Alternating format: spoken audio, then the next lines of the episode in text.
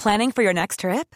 Elevate your travel style with Quince. Quince has all the jet setting essentials you'll want for your next getaway, like European linen, premium luggage options, buttery soft Italian leather bags, and so much more. And is all priced at 50 to 80% less than similar brands. Plus, Quince only works with factories that use safe and ethical manufacturing practices. Pack your bags with high-quality essentials you'll be wearing for vacations to come with Quince. Go to quince.com slash pack for free shipping and 365-day returns.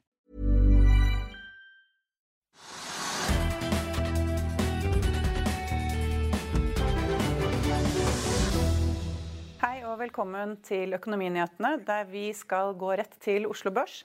Hovedindeksen er opp 0,4% etter å ha nådd årets høyeste notering tidligere i dag. og Det var i januar i år at forrige rekord ble satt.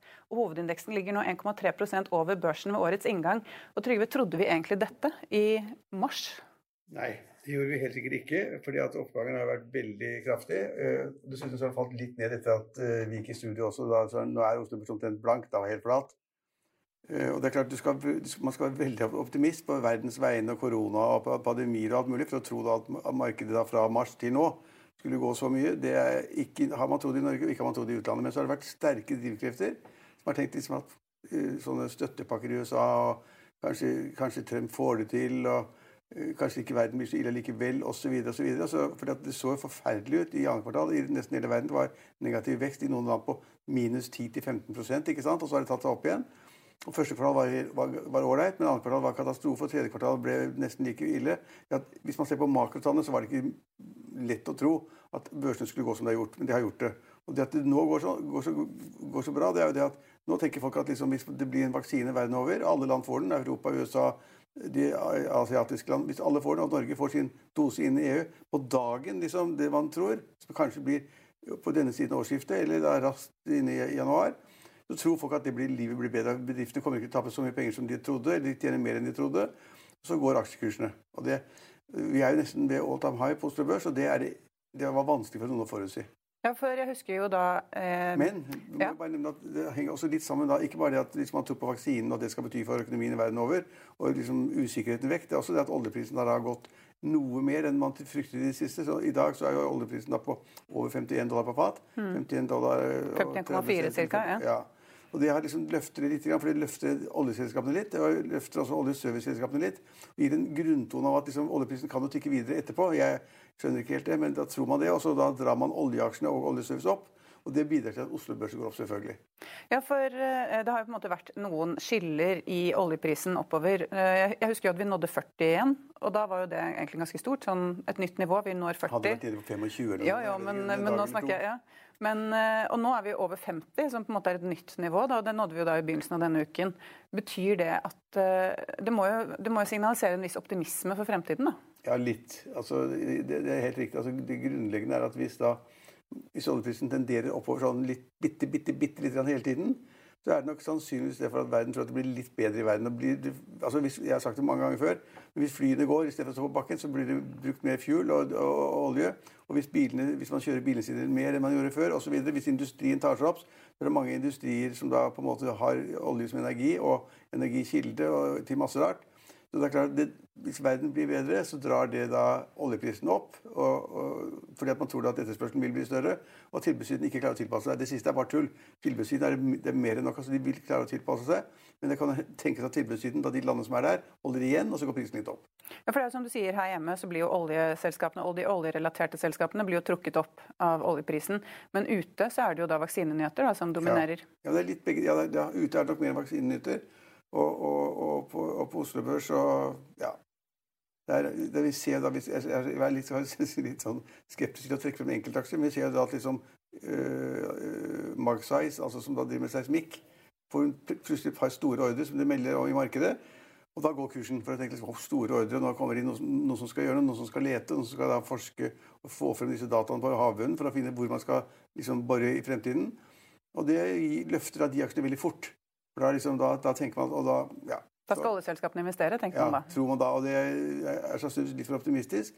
Men et par av disse, den type selskaper har gått, sånn som Magstrice i dag, og også PGS. som er da liksom opp 5-10 og Magstrice er opp i 15 Så det, det, er vinnerne fordi at oljeprisen går litt opp. Ja, ja fordi Magseis det var jo da opp 16,7 i stad, og har vært opp eller det er opp 170 siden begynnelsen av november. Ja, det er veldig mye, men det er et bitte lite selskap. og Det er samme som PGS. PGS er opp, men altså, PGS har hatt kjempeproblemer med finansiering og utnyttelse av skipene sine og opplag og alt mulig rart.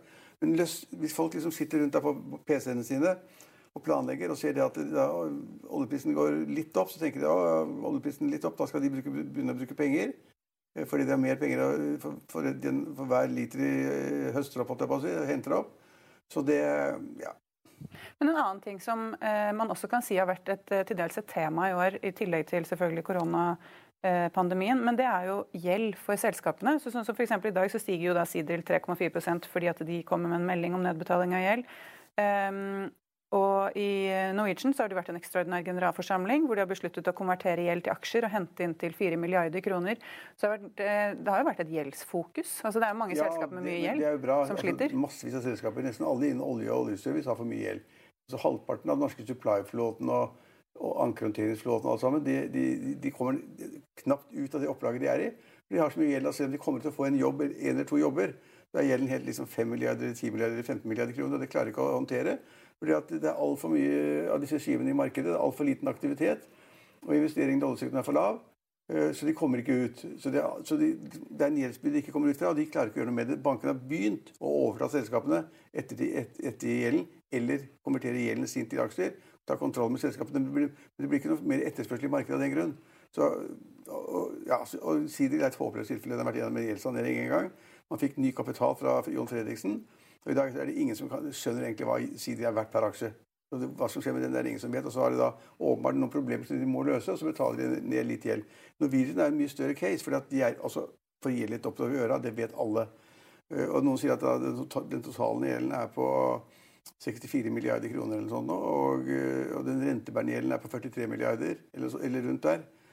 Det er så mye at det kan ikke Norwegian leve med. Det, så da må de få en gjeldssanering, og det holder de på med og skal jobbe med. Men i dag hadde, hadde de generalforsamling hvor de skulle, aksjonærene skulle ta stilling til en sånn pakke som enda mer gjeld skal gjøre noe til aksjer. Og så skal man skaffe ny kapital. Uh, og en sånn pakke som da på en måte skulle gi et lite lys inn i fremtiden. Uh, og på generalforsamling så møtte jo ingen. Altså, det på 1,68 ja, ja, 69 ja. ja, det er, ingen som, det er liksom ingen, akkurat som mellom 1 og 2 av aksjonærene møtte. Så, så, dette var en formalia. Altså Ledelsen ville ha igjennom at de skal foreta en refinansiering. Og så skal de gjøre noen tekniske grep. De skal spleise aksjen, som det heter. Hvis, hvis, du har én aksje i, i, Norwegian til, til én krone, så skal du lage én ny aksje med 100, 100 aksjer. så det blir altså, Istedenfor én aksje blir det 100 aksjer til 100 kroner. Det drev de med i dag og surret med. Uh, og det er ingen som skjønner det heller. for hva blir da kursen som man eventuelt skal tegne til hvis de skal ut i markedet og hente? Og, og grovt regnet så, så Norwegian-kursen hopper jo opp og ned. En dag vinner den, og en dag taper den. Og De siste regnestykkene viser da at den nye kursen, den nye, altså de nye aksjene, da, de vil være basert på da en kurs på mellom fem øre og to kroner. Ja. Kursen i dag er noen og 60 øre. ikke sant? Så mm. Hvis man da på en måte skulle se på det spennet som er der, og hvor da emisjonen vil komme, så må man ned i fem øre eller to kroner. Og det, så, og det er det ingen fornuftige mennesker som har noe, noe, noe tall for. så da, da, får de bare se det som skjer. Og så må de bestemme seg om de skal ha inn 1 milliard eller 2 milliarder kroner eller 300 millioner kroner. Og så må de få plassert den i markedet i den til den prisen som markedet aksepterer. Men det vi alle må da huske på, er at når du ser da etter fredag, eller på mandag, hvor du ser da det at uh, kursen er uh, eh, 100 kroner det er ikke derfor at det går bedre i Norwegian at kursen har gått opp. Det er fordi at det er slått, sammen aksjer. 100 aksjer til 1 krone. Til 1 til 100 kroner. Men uh, de skal jo da hente inntil 4 milliarder kroner. Hvordan skal de få til det? Ja, tror, altså, ja, de får det kanskje til, men da må de da, ja, da, hvis, Nå det de gamle, ikke de nye aksjene, de som er spleiset, men de gamle aksjene som i dag tredes for litt over 60 øre. Uh, da vil du måtte gå ned i 5 eller 10 øre per aksje for å få noen til å kjøpe de aksjene i et så forgjeldet selskap. Hvis de klarer å kvitte seg med all gjeld, men jeg skjønner ikke hvordan skal de gjøre det. Altså Vil de som har lånt Norwegian penger, plutselig ettergi all mulig gjeld? Det er jo helt, ja, det kan jeg ikke tenke meg. Det, de får det bare til ved en konkret konkurs hvor all gammel gjeld går ut, og du får et bostyr som da på en måte finner ut av hvor mye penger har vi nå, og hva, hva klarer vi å betale tilbake til noen av kreditorene. Men det, altså, de, de, må bli kvitt gjeld. Men de har blitt kvitt en del gjeld. da. Det er jo flere milliarder kroner i gjeld, som er, er det 15-20 eller sånn nå som er konvertert til aksjer. Og disse aksjene selges og løper i markedet, så det er helt håpløst. Men, eh, men jeg tenker på, altså, hvem er det som tar sjansen på det selskapet nå, med å putte inn penger i det? Det er sikkert noen som kan leke med 10 000 kroner eller 50 000 kroner. eller noe sånt nå. Men å ta sjansen på å gå inn med 100 millioner eller 300 millioner i et selskap som er så forgjeldet, det gjør jo ingen mennesker som er vel bevart. Det gjør det ikke. Men det finnes alltid noen spekulanter på lavere nivåer, trading av aksjer. Syns det er morsomt. Men poenget er at selskapet er så forgjeldet, og det står så dårlig til. Og nå det, kom det frem at det hadde vært diskusjon da i styret liksom, om man skal nedlegge disse langdistanserutene, som selskapet har tatt penger på hele tiden. Og noen ville legge det ned, men den nye ledelsen med Skram vil ikke legge det ned. Så det, man, har ikke, man, har ikke, en e, enhetlig plan hva man bør gjøre i fremtiden heller. Så, så Norwegian er en kjempevanskelig case. Ledelsen kjemper for livet. De, det er jo noen ansatte som jobber, men det er ikke så mange som jobber, for det er bare fire eller fem fly som går. Uh, og det, det, får ikke til uten at det på en måte at det blir en delvis en, en form for konkurs. Men altså, de langdistanseflyene, det er jo kanskje prestisje i det? da? Prestisje, altså, ja, ja, det er merkevaren? Prestige nei, ja. ja det, Jeg har fløyet mange av de flyene på langdistanse. Det var fantastisk, og billig var det også. Men, men prestisje spiller ingen rolle. Altså, det går om, om at Norwegian skal overleve. Og, og, og, kanskje overlever de ved masse surr frem og tilbake. og Ingen skjønner noe av hvordan regnestykkene og hvilken kurs man skal tegne til, og hvilken aksjekurs som har vært. Eh, så det er kjempevanskelig. Og så får de holde på med det en stund, da. Inntil de gir opp i Irland, eller de gir opp i Norge. Men det har jo da vært en Og da, ja, og da? Og da er det ikke slik at det ikke går fly i Norge. Da står jo da på en måte Widerøe klar, eller SAS klar. SAS, eller Wizz Air, som da kanskje også kommer. Og Bråtens nye selskap, som skulle ikke hete Bråtens, men Flyr. Det skulle hete Flyr. Mm. Vi flyr. ja, så det står jo selskaper og fly og mannskap til å fly når som helst og hvor som helst. Og det gjør ingenting om Norwegian forsvinner, bare annet at det er litt sårt og ubehagelig. Og det var en kjempesuksess så lenge de da drev fornuftig og lagde ruter i Europa, særlig i Norge.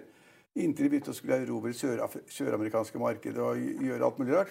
Og fikk da masse problemer med disse Dreamlinerne, som hadde langdistanseflyene. Da tapte de penger hele tiden. De måtte skifte og reparere motorer. Masse problemer med dem, ja. Det var, altså, det var problemer hele tiden. Flyene kommer ikke frem, og så må man skaffe andre fly og leie inn fly. Så Norwegian kom inn i en mess fordi de vokste for fort, hadde ikke penger selv, lånte for mye penger. Men eh, de ansatte vil jo sannsynligvis bli litt lei seg, da?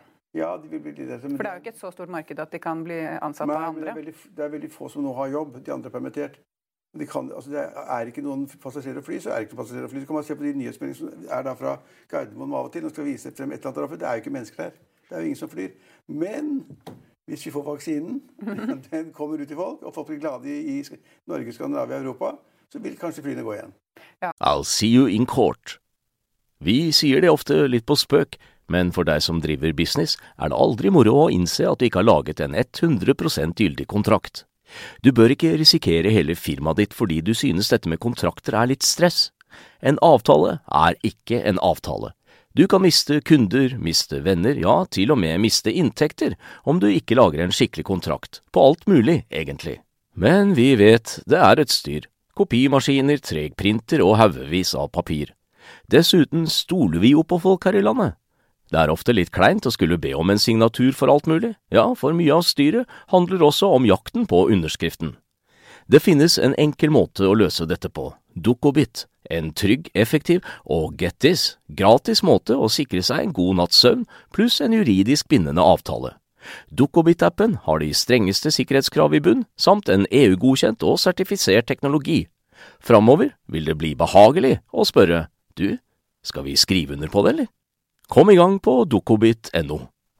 Og Vaksinen er jo en annen nyhet som har kommet i dag, som eh, ikke har drevet børsen noe særlig egentlig. Eh, statsminister Erna Solberg sa jo at den, de første vaksinene skulle bli gitt i Norge sannsynligvis da 27.12. Mm. Hvem får den første? Ja, altså Nå har de regjeringen sagt hva de skal gjøre. da. De har jo sagt at det er, det er, de, det er de, gamle som skal få først, og så skal da helsepersonell Kanskje gammelt helsepersonell også. Nei, men gamle først. De som er de, altså da over 65 eller sånn nå. Og så får kanskje da eldre som da har bakenforliggende sykdommer, vaksine. Og så får helsepersonell. De burde kanskje etter min mening få, det først. da. I Norge så er vi veldig opptatt av å vare på de gamle. Det er bra. Jeg er jo gammel selv. Eh, men, men man vet omtrent hvordan det skal foregå. Jeg regner med at i, helse, i Folkehelseinstituttet og i departementet har de nå laget regler for hvordan det skal leveres ut. Og det kommer til å skje i år, kanskje. Og alt sammen vil bli sprøytet ut på samme dato i alle land i januar-februar også. slik at det blir, det blir, masse vaksine i de kommende ukene. Og, og de er jo kjempebra. Skaper de optimisme, så vil folk reise mer, bruke mer penger, kjøpe mer gaver osv. I noen land får man ikke kjøpt gaver, for det er stengt ned. Mm. Frankrike er det stengt ned, i Danmark er det stengt ned, så jeg forstår. Så det er butikkene får, får ikke å være åpne hvis de da ikke er eh, matbutikker og ja, matvareapotek. Og, matvareapotek. Ja, for 17. desember, altså i dag, så stenger jo da kjøpesentrene i Danmark. Ja. Og eh, første juledag så er det vel at eh, alle andre butikker enn matvarebutikker og apotek må stenge. Tror du vi unngår det i Norge? Ja. Vi ligger mye bedre an. Vi er kjempeheldige. Altså, den, R-en som nå må være under én. Hvis det er over én, så er det indikert at den som er smittet, smitter flere enn én. Er den under én, så er det da færre enn én som blir smittet av denne personen som er smittet. Så, øh, og Vi ligger veldig heldige an. Vi har få, få dødsfall, få innleggelser, få nye smittetilfeller. I forhold til hva vi da, skrekkmeldingene vi får fra USA hver dag, som er bare beyond alt man kunne tenke seg. Så, så, så det, det, slipper jo at Tyskland, altså som, at Tyskland, som var ganske bra i den første bølgen. At Tyskland må stenge alle butikker i alle landet. og Tenk på alle de, altså alle de butikkene som har kjøpt inn varer for å selge til, til julegaver. Folk skal ha julegaven siste uken før jul. Inntil det blir solgt. Og ned i kjelleren eller brennes. Men kanskje man kan handle på nett?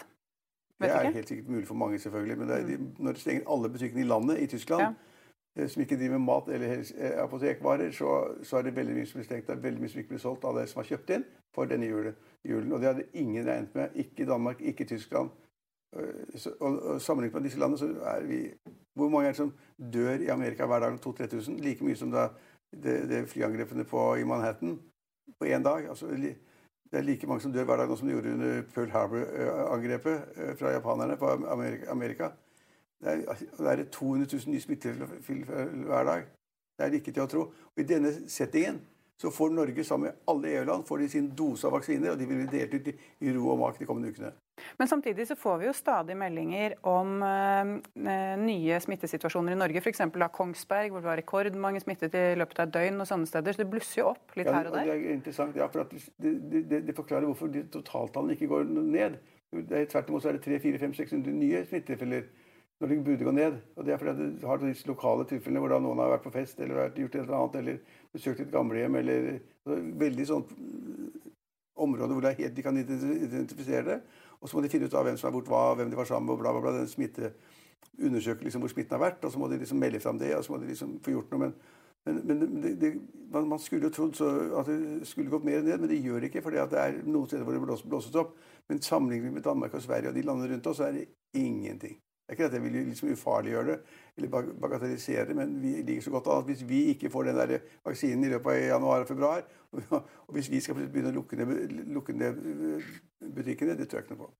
Men øh, det er jo sånn at vaksinen må jo tas to ganger. Ja. Og så virker den jo ikke Pfizer-vaksinen det. Ikke og det er vel Pfizer-vaksinen som kommer hit. Ja. Og da må du ta den andre dosen etter seks uker, og så er den vel ikke fullt i Altså virkningen er ikke full før etter to uker etter det igjen. Altså det er to måneder.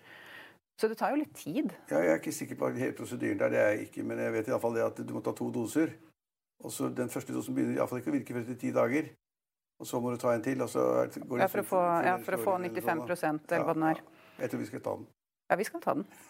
Men, eh, men, eh, det virker jo som aksjemarkedene altså De reagerte veldig på de første positive meldingene. Og så har det dabbet litt av. og hva, skal, hva må komme på den fronten for at det skal gå opp igjen?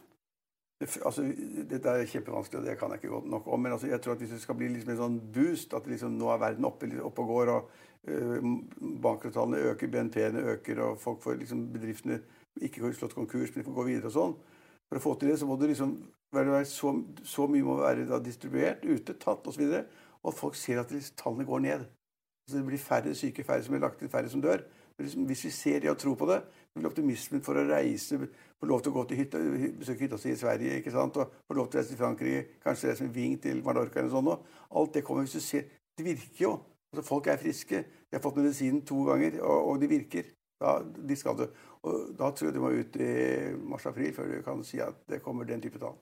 Ja, jeg tenker kanskje neste halv, altså siste halvår av 2021, ja, at vi ikke får Nei, noe bedring før det. Nei, jeg kommer før det. Du er mer optimist enn meg. Ja, men Hvis de begynner å vaksinere nå i slutten av desember i Norge Ja, men Tenk så mange det er i USA som skal vaksineres. Ja, de har jo levert ut millioner av øh, vaksiner allerede til alle mulige syk... Det sies at alle sykehusene i USA har fått det de trenger for å sette i gang når, når vaksinen kommer. De står jo klar.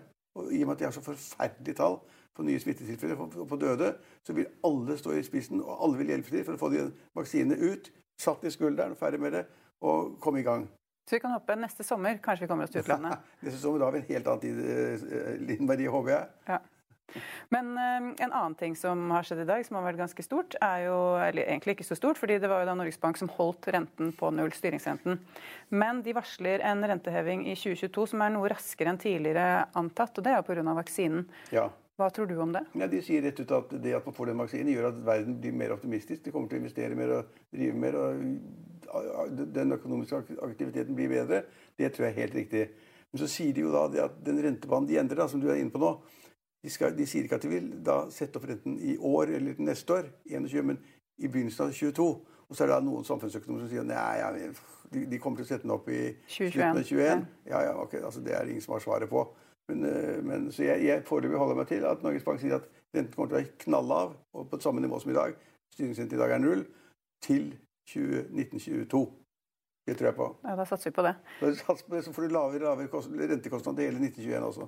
Men det som trekker opp da, i retning av at de skal sette den opp, er jo eh, nei, boligprisen, som jo har steget ganske kraftig i år. Den er opp 7 hittil i år, og det ligger jo an til en kraftig vekst i neste år, hvis vi skal tro ekspertene. Ja, Men det skal ikke Norges Bank bry seg om boligprisene, men de ser på gjeldssituasjonen, da? De skal, nei, de skal ikke se det. Det skal Finanstilsynet se litt på. De skal ikke se på det, egentlig. De skal holde seg til pengepolitikken. Og, og, og det er ikke noe inflasjon, inflasjonsdrivende trekk i det hele tatt i norsk økonomi. Ikke i det hele tatt. Så liker de ikke da hvis det blir for sterke økninger i boligprisene. Men altså fremdeles så er det i, 19, i 2016 så steg boligprisene i Oslo med hvor mye? Ja, Det husker jeg ikke, men det var veldig mye. 23,3 ja. ja. det, det, det tallet holder jeg husker på, for det, det, viser hvordan det virker når du tar av. Sånn, da, da, snakker vi om litt ville tilstander i 2016. Når vi nå får da gjennomsnittsprisvekst på 8, det høres det mye ut, men det, jeg vil ikke bekymre meg. Men da var det vel også veldig mange som passet på å kjøpe bolig før denne fem ganger inntekt-regelen ble innført fra, fra regjeringen? Ja, ja, det var det nok. Men nå, nå, var det noen som foreslo at man skulle sette ned til at man ikke fikk lov å låne mer enn 400 av inntekten. Det gikk ikke gjennom. Da Finanstilsynet de er nemlig noen slike mørkemenn. De er kjempebekymret hele tiden. De skal de være. De har betalt for det. Det sitter flere hundre stykker som er kjempe, kjempebekymret hele tiden. Det må de være, men, men, men eh, nå har regjeringen litt mer avslappet forhold. Regjeringen sier da at, liksom at verden er ikke så lett, og vi skjønner ikke hvorfor vi når bedriftene har det vanskelig, folk har vanskelig, og Det er 200 000 arbeidsledige i Norge. Dvs. Si de er helt ledige, delvis ledige og på tiltak er 200 000 eller 196 000 eller sånn. Og da sier regjeringa at da gidder ikke vi plage folk mer og gjøre det enda vanskeligere å kjøpe bolig. Nei, og Det kan jo kanskje hende at de Finanstilsynet ikke har prøvd å kjøpe en enebolig i Oslo-området? ja, de, for det er ikke så lett. De, de, følger nok med, men de har en sånn holdning av at gjeld, altså at husholdningene har for mye gjeld. Det har de sagt i alle år. Altså, de siste 20-30 åra har, har Finanstilsynet og andre makroøkonomer sagt det. Eh, og det er, hvis det er helt feil. Vi, vi klarer helt den gjelden vi har. Først og fremst fordi renten var så lav. selvfølgelig. Hadde renten vært høy, hadde renten vært 7-8-90 så hadde det begynt å bli krise. Men vi er jo ikke der. Renten er lav. Renten kommer til å være lav hele neste år. Og den kommer til å være lav også i 22. Men det vil bli satt litt opp i 22, men den vil være lav. Så det er gode, nyheter. Ja, det er gode nyheter for folk med boliglån, men ja. kjedelig for deg med penger i banken? Ja, kjempekjedelig. Jeg får, jeg får bare 0,25% eller 0,15% rente på, på innskuddene, men så er de trygge der, da. Men nå som, man, nå som man nærmer seg et nytt år, hva, burde, man, burde, man, la pengene stå i banken? Jeg, er det for sent å gå inn i aksjemarkedet? Kjøpe fond? Indeksfond? Det er, det er, jo aldri noen som liker å kjøpe på topp. Og nå er vi da på Oslo Børs nesten på topp. Det er bare et hårfint eh, fra topp. All time hopp. Topp. Hopp. Nei, og da, da, er det jo mange som ikke liker Jeg liker jo ikke det. Da må man finne selskaper som har fått en litt unaturlig smell ned, eller som man kan få en korreksjon i, eller kjøpe konsumaksjer som man vet vil gå liksom eh, Folk skal ha mat, de skal ha noen medisiner, de skal ha noen puter og gardiner. Og, det er liksom litt sånn lite spekulative aksjer. da, Ikke oljeaksjer og uh, ikke den type aksjer. Og, så man finne noen sånne nye selskaper som, på, på, på, som kom på Oslo-børsen, hvor de satte på det grønne. Så man trodde at liksom alle er grønnere enn meg. og alle er en bigger fool. ikke sant? At du kjøper en aksje litt dyr, men så er det en annen mann som kjøper den enda litt dyrere. Du, må lete etter enkeltaksjer som da folk er villige til å ta respekt på. Og at det må være da, du må ha mer tro på den ene grønne banken er liksom tullete, for at du får som jeg får, da, 0,15% rente, og så er inflasjonen 2% eller noe sånt. Så jeg, jeg taper penger hvert år å ha penger i banken. Men med de grønne aksjene så gjelder det også da å finne den ene grønne aksjen som overlever, da? For det er vel Det gjelder å finne den grønne aksjen som Spetalen kjøper, eller Arne Fredli, eller Arne Brystad. Men samtidig da må du finne den før de kjøper den, da? Nei, du må, du må kjøpe samtidig. Akkurat samtidig? Akkurat samtidig, Bare høre om det. Så må man kjøpe noe der, så har sjansen på at de er smartere enn andre, eller får lettere informasjon, eller skjønner noe som de andre ikke skjønner, og så kjøper de såkalt grønne aksjene, som plutselig går 10 eller 20 eller 30% og da kan man jo, etter å ha tjent 10 så kan man hoppe av. Får vi se. hvordan det går. Men er det noe annet du har lagt merke til på børsen i dag? Nei. Nei. Jeg har, vært, nei, jeg har ikke sett noen ting, jeg nesten. Nei. Og vi er tilbake igjen i morgen klokken 13.30. Vi ses igjen da. Ha en fin kveld.